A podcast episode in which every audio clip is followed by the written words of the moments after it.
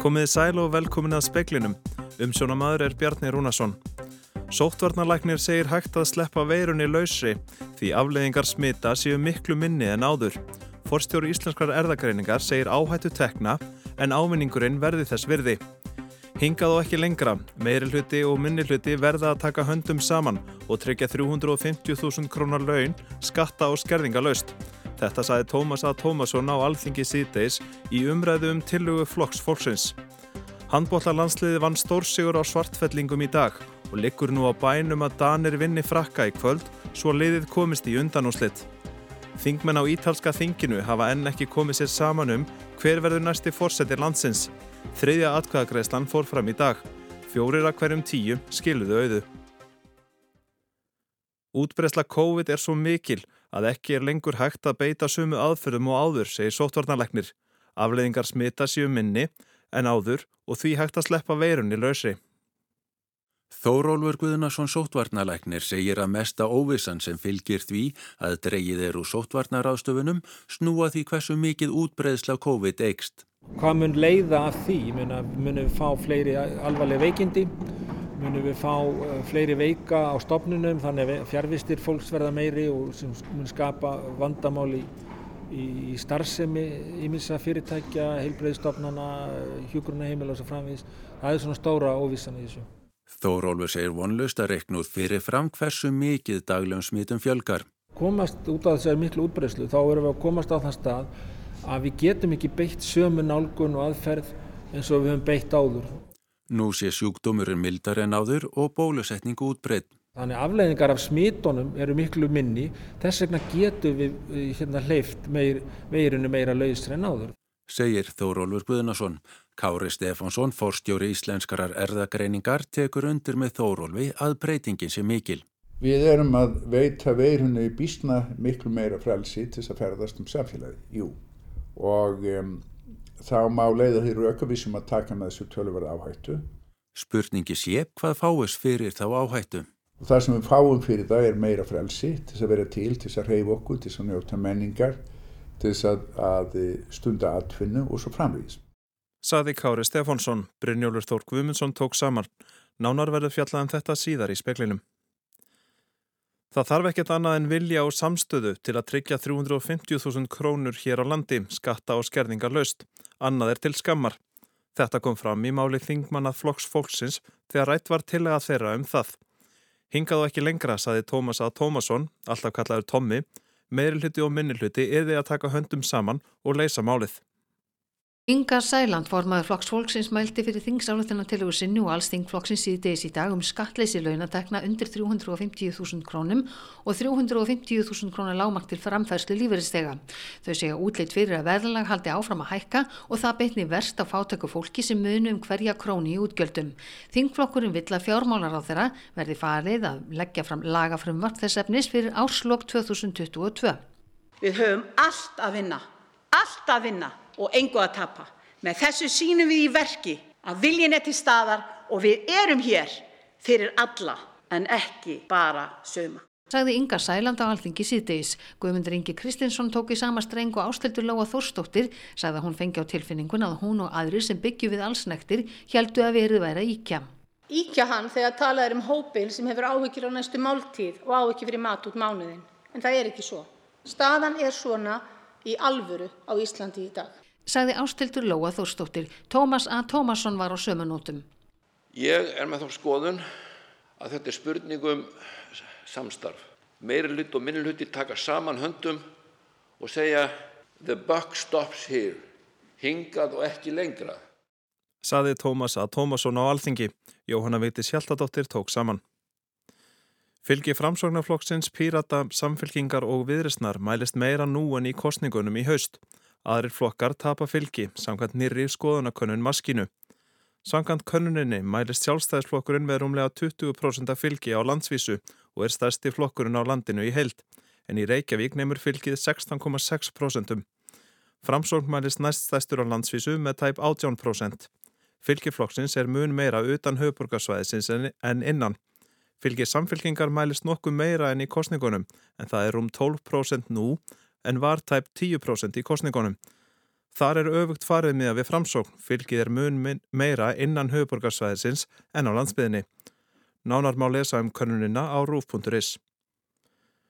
Brefaskipti Katrínar Jakobsdóttur fórsættisráð þeirra og Kára Stefánssonar, fórstura íslenskar erðagreiningar, hafa verið byrt á heimasíðu stjórnaráðsins. Eins og framkom í hátæðirfréttum hafði fórsættisráð þeirra afhengt stjórnskipunar nefnd brefinn sem fjallar um úrskurði persónuvendar. Nefndin hefur ákveðið að halda opinn fundum málið í næstu viku. Ísland laði svartfjallaland á EM í handbólta í dag með 34 mörgum gegn 24.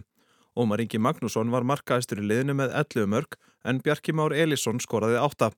Bjarki Már, Áron Pálmarsson og Elvar Örn Jónsson komu inn í liðið eftir að hafa verið í einangrun með COVID síðan í síðustu viku. Guðmundur Guðmundsson var allsæl með leikliðsins. Ég er eiginlega orðlaus yfir þessari framistöðu og hvernig við gerum þetta frá fyrstu mínútu til hennar síðustu. Ég er gríðarlega stoltur og þakkláttu fyrir framlægi hjá leikmönunum. Þeir voru stórkustleir. Næsti leikur liðsins er gegn Noregi um 15 sætið. Nefna Danir vinni frakka í kvöld en þá er íslenskar liði komið í undanúslitt. Þetta bara er alltaf smetla og, og bara saman hvað kemur inn, hann, hann stendur sér vel og það er bara frábært til lið.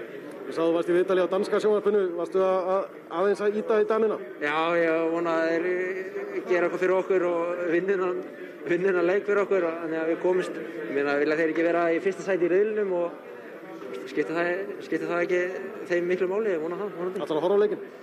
Já, gerum að það ekki. Segir Elvar Örn Jónsson, Einar Örn Jónsson talaði við hann. Leikur Dana og Frakka hefst klukkan halv átta og verður í beitni útsendingu á Rúf 2.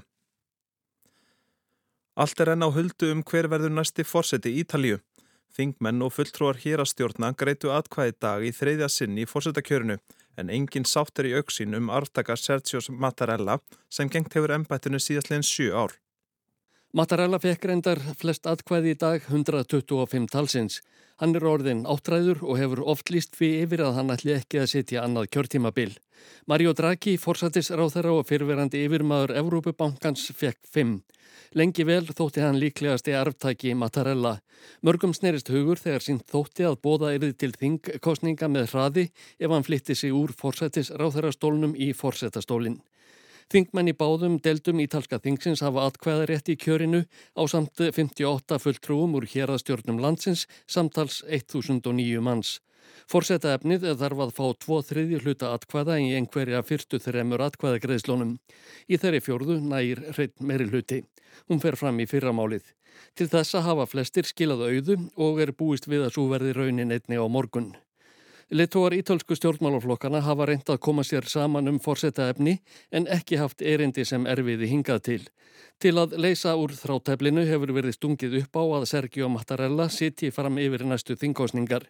Þá kunni að hafa skapast grundvöllur fyrir að letóarnir geti komist að samkúmulægi um hver verði 13. forseti líðveldisins. Ásker Tómasson saði frá. Hugmyndir eru uppi um að stopna líðskóla á húnavöllum sem leggur áherslu á umhverfis fræðslu. Ef allt gengur eftir, ætti skólin að geta hafist á næsta ári. Hugmyndina verkefninu er sprottin af samanenga viðræðum millir blöndósbæjar og húnavarsreps. Ef að samanengu verður munu grunnskólin á húnavöllum og blöndóskóli saminast og losnar þá skólahúsnæðið á húnavöllum. Magnús B. Magnússon sem vann að skýrslum verkefnið á samt starfshópi segir að húsnæði sé vel útbúið og tilvalið til að nota í verkefni eins og líðskóla sem hefur fengið vinnuheitið umhverfis akademía. Það byggir á þeirri hugmynd að í rauninni þá skortir mjög á og margt í þessari hugtakanótkun okkar í umhverfismálum og það sé mjög nöðsynlegt að rækta og ala upp nýjar kynnslóðir með betri skilling á því hvað þetta þýðir og hvað gildið það hefur og auka umhverfismentun bara í landinu. Líðskólanur hugsaður fyrir 18 ára og eldri. Magnús segir skólanum ætlað að veita almenna gaglega mentunum um hverjusmál og dýfka hugsun um málefnið án þess að markmiði sér prófgráða. Námi líðskóla er eitt ár og er stemt á að hafa skólan opinn fyrir bæði íslenska og erlenda nema. Við erum bara náttúrulega starfsópur sem að stillum upp áætlun, búum það til sem tíma áætlun fyrir þennan líðskóla. Hann gæti opnað ef allt gengur eftir að þá geti skólinn hafið störf 2023 það kunnu þetta vera ljón á veginum, það er eftir að fjármagna og það er eftir að fá samtíki mentumálstofnar og allt það þegar er búið er að stilla þessu öllu upp. Saði Magnús B. Jónsson, Anna Þorbjörg Jónastóttir tók saman. Á miðnætti tóku gildi nýja reglur um sóttkví. Nú þurfa engöngu þeir sem eru útsettir á heimili sínu að fara í sóttkví. Sem fyrir var í sóttkví í fimm daga og PCR-próf þar til að losna. Þrý bólusettir fara hins vegar engöngu í smitt gátt sem líkur með PCR-prófi á fymta degi. Hins vegar þurfa þeir sem eru útsettir fyrir smiti utan heimilis ekki að fara í sóttkví heldur að við hafa smitt gátt. Ekki er þörf á sínatöku lengur til að losna á smitt gátt og börn á leik og grunnskólaaldri eru undan þeim smittgátt nema smitt sé inni á heimili. Magnús Gottfræsson, læknir og profesor í smittsjúkdómum, velkomin í speilin. Takk. Þessar tilslaganir á sótkvinni, hverju breytir þetta í svona faraldsfræðilegu samhengi? Þetta eru býstna miklar breytingar sem að munu leiða til þess að sínatökum mun væntalega fækka talsvert og þar með þeim greiningum á uh, smiti sem að grundvöldust á þessari tilteknu áhættu. Það er að segja að vera útsettur á vinnustaf og svo framvegs. Þannig að sá hluti dettur út og jafnframt skapast á ákveðnir möguleikar á því að smitt dreifist frá þessum aðlum. Nú vitum við það að allt margir fá til til að lítil enginni eða jafnvel engin enginni og þess vegna er mögulegt að þarna myndist ákveðna smittkeðjur sem ekki greinast fyrir síðar ef þá yfir höfuð og um, ennum leið að þá léttir þetta svolítið uh, álæginu, skildum að rætla á, á þeim sem eru að taka síni og, og uh, greina sínin hvaða áhrif hefur þetta á umfang faraldursins? Mér finnst fremur líklegt að þetta verði til þess að uh, dreifingin verði heldur meiri. Við erum jú aðeins að draga úr viðnáminu og, og úr hömlunum með þessari ráðstöfun. Það er ekki víst að það muni byrtast samt sem áður í smitt tölunum vegna þess að uh, það er jú nokkur hluti af smittum sem að greinast uh, á degi hverjum sem að greinast á þessum grunni og nú eru við búin að taka það út. Þannig að það er kannski svolítið þversaknar að kenta að segja það en það er mögulegt að, að skráðum smittum muni fækka lítilega en jáfnframt að dreifingsmits í samfélaginu mun aukast. En það er eitthvað sem er erfitt að fullir það neitt um, uh, reynsla mun bara lega það í ljós. Mm -hmm. Nú er þessi faraldi búin að standa í að verða tvö ár og það hafa svona samkvæmt frum nýðustöðum hjá Íslenska erðargreiningu um 20% fólks undir 40 smittast af veirunni hér á landið eða um áramótin. Það er náttúrulega eftir að koma betur í ljós þegar frekari nýðustöður leikja fyrir. Þórulega Guðnarsson saði í morgun að um 80% verður smitaður um páska. Eh, hvað hefur það ferli í förmið sér að fara svona brattu? Það um, er auðvitað ákveðin hætta á því að, að veikindi eh, verði talsvert útbreytt með þeim afleiðingur sem við þekkjum. Það er auðvitað trublanir á starfsemi fyrirtækja og, og sjúkrahúsa og, og allra þeirra aðila sem að þurfa að, í raun og veru að, að eh, vinna uh, auglit, til auglitis við sína skjólstæðinga, hvort sem það eru kennarar eða helbriðistarsfólk og um, það eru auðvitað stærsta áhyggjöfnið og þess vegna er mjög mikilvægt að vakta stöðuna í rauntíma. Við þurfum líka að hafa það hugfast að eins og við hefum rækilega verið mynda á að, að um, tíminn sem að líður frá því að við tökum einhverja tiltekna ákverðun og, og, og, og komum með uh, einhvers konar breytingar á, á hérna, takmarkunum og þá það skila sér kannski sent, kannski eftir viku eða tíu daga, eitthvað slíkt og stundum bara hreinlega verist það ekki skila sér eins og gerist núna síðast. Mm -hmm. Maður hefur staðið þessum spórum áður og það er að segja það séu svona tilslaganir í auksín. Er staðan orðin þannig hvað faraldurum varðara? Það er að þínum að þið undað slaka á takmarkunum? Staðan spítalanum hefur heldur verið að skána eins og við höfum síð og uh, ástandið er betra heldur en spálíkunin gerðu ráð fyrir og þetta er auðvitað mjög mikill fórnar kostnaður fyrir samfélagið sem við erum að tala um með mikill einangrun og svo framvegs. Við sjáum það líka að, að það hefur tekist mjög vel að afstýra innlögnum með því að greina fólk til til að snemma og beita snemtækri íhlutun bæði með mótefnum eða með liðameðferð áður en að fólk verður veikt og ef okkur tekst vel upp áfram í því tiliti þá held ég að það uh, geti mögulega sloppið en hins vegar er það auðvitað þannig að ef við missum hluta af þessum snemgreiningum með því að aflita sóttkvinni af þessum hópi sem að umræðir að þá eru þetta möguleikja því að fólk komi kannski setna inn og sé þá veikara þegar það gerist. Mm -hmm.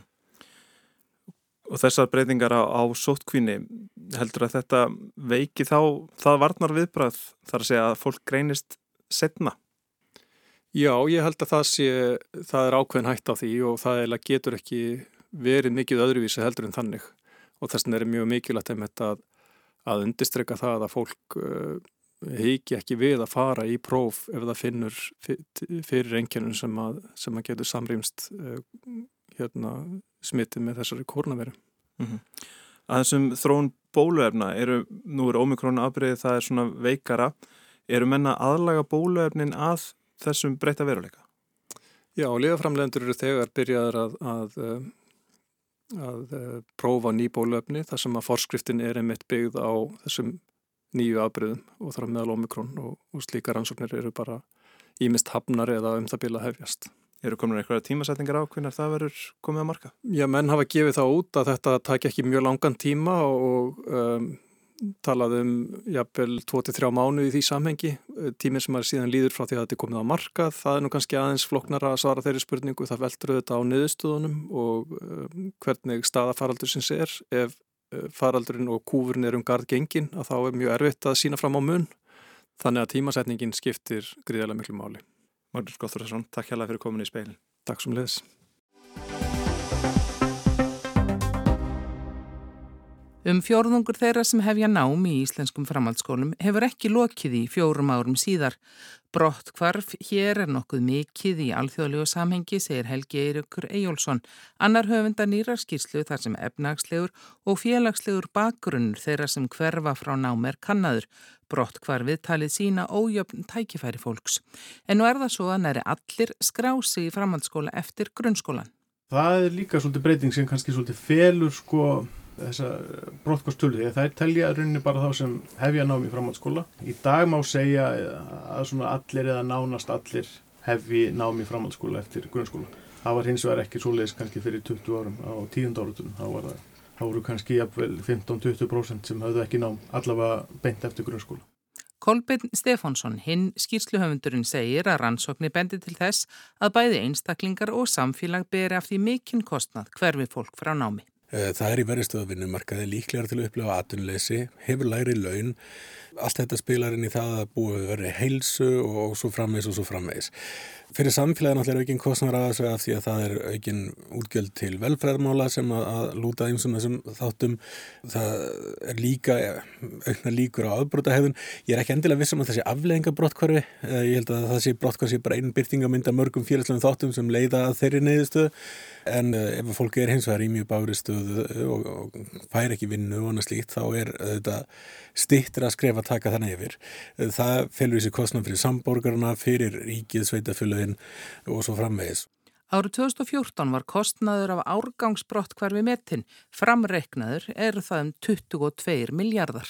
Þannig að, þurfum að hugsa um þetta að hver einstaklingu kannski kostar ekki rosalega mikið en þetta eru margir einstaklingar og ár eftir ár eftir ár þá verður kostnaður samfélagsins umtalsverður. Þannig að, að hugsa um þetta sem félagslega fjárfestingu heldur en fyrir heldur en útgjöld þá er þetta mjög skýrt dæmi um fjárfestingu sem borgar sig fyrir samfélagið. Já, þetta hefur verið rannsóknarefni nokkur skeið á Íslandi sem á annar staðar. Eins og svona rannsóknarhefði hefur verið hér á landi má segja að það hefur verið einblíð svolítið á einstaklingsþætti. Það er að segja samsumum við nám og uppeldisaði fyrir fóreldra, áhersla fóreldra á nám hjá, hjá börnum. Vissulega þætti sem skipta miklu máli en það sem hefur kannski minna verið skoðað með beinumhætti eru svona þætti sem eru svona kannski fjæri einstaklingum og tengjast félags- og efnaðarslegum aðstæðan þeirra sem dæmi mentun fóreldra, tekju fóreldra úr unni svona úr hvaða bakgrunni börnin og nefndur er að koma og hvernig brottkvarf dreifist innan þeirra. Hver er kjarnin í ykkar úttæk? Kanski sá bakgrunnsáttur sem skiptir hvað mestum máli er mentun fóreldra.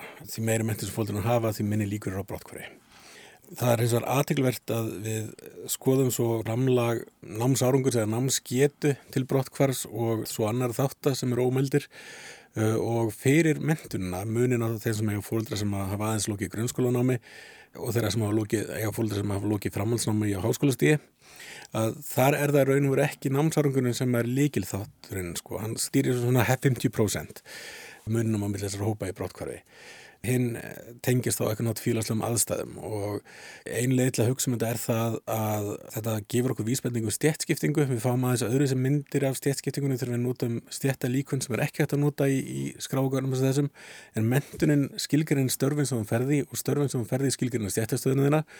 Bendir til þess að það séu félagslegur þættir sem tengjast stöðu fólks með mismundi mentun sem er að hafa áhrif þarna. Þegar talað er um brottkvarfi er oft innblínt á framhaldsskólan, segir Helgi. Kanski einfallega vegna þess að það er skólaskilda til 16 ára aldurs og ekki hægt að hætta.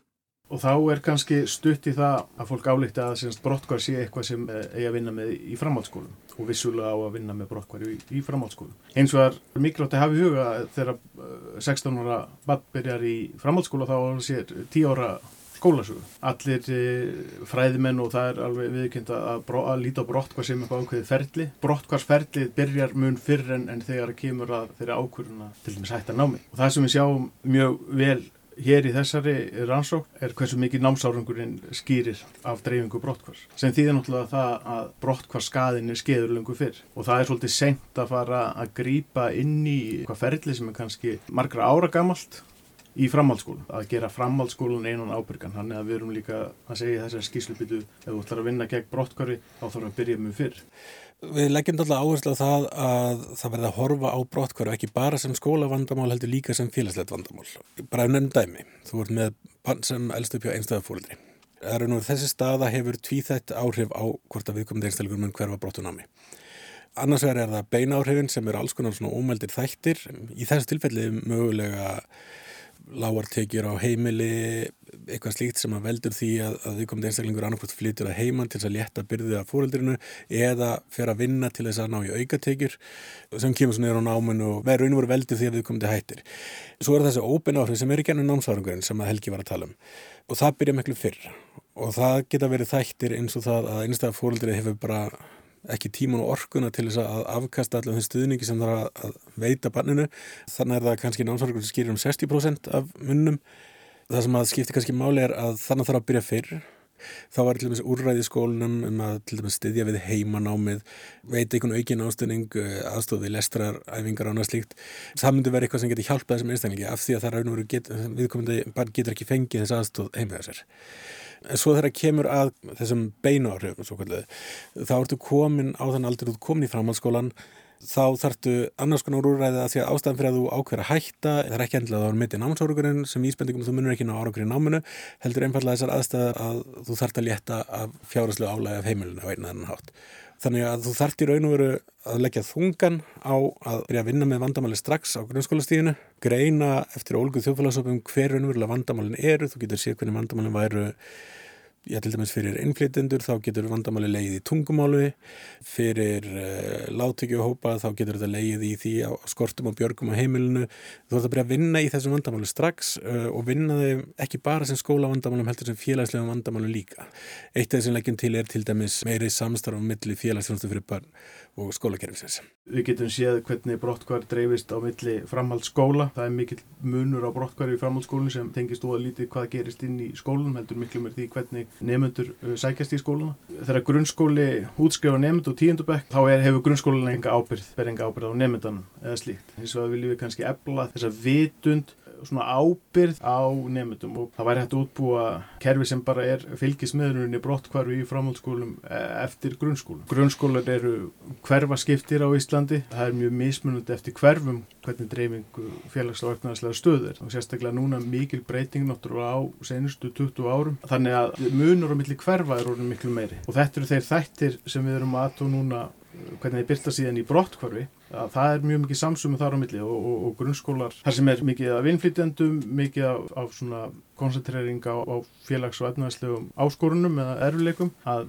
að það ætti að, að vinna með grunnskólunum mikið til en það er svolítið flókið þegar þess að skóla, uh, þetta er sveitarstjórnasti og svo er þetta framhaldsskólarekna á ríkinu og þessi skilmiðli skólastegana eru mjög skörf og kannski of skörf, það væri allavega hægt að hafa meira samtalan á milli og, og byrja strax í grunnskólum. Saði Helgi Eirikur Ejjálsson, Anna Kristín Jónsdóttir talaði við hann og Kolbin Stefánsson.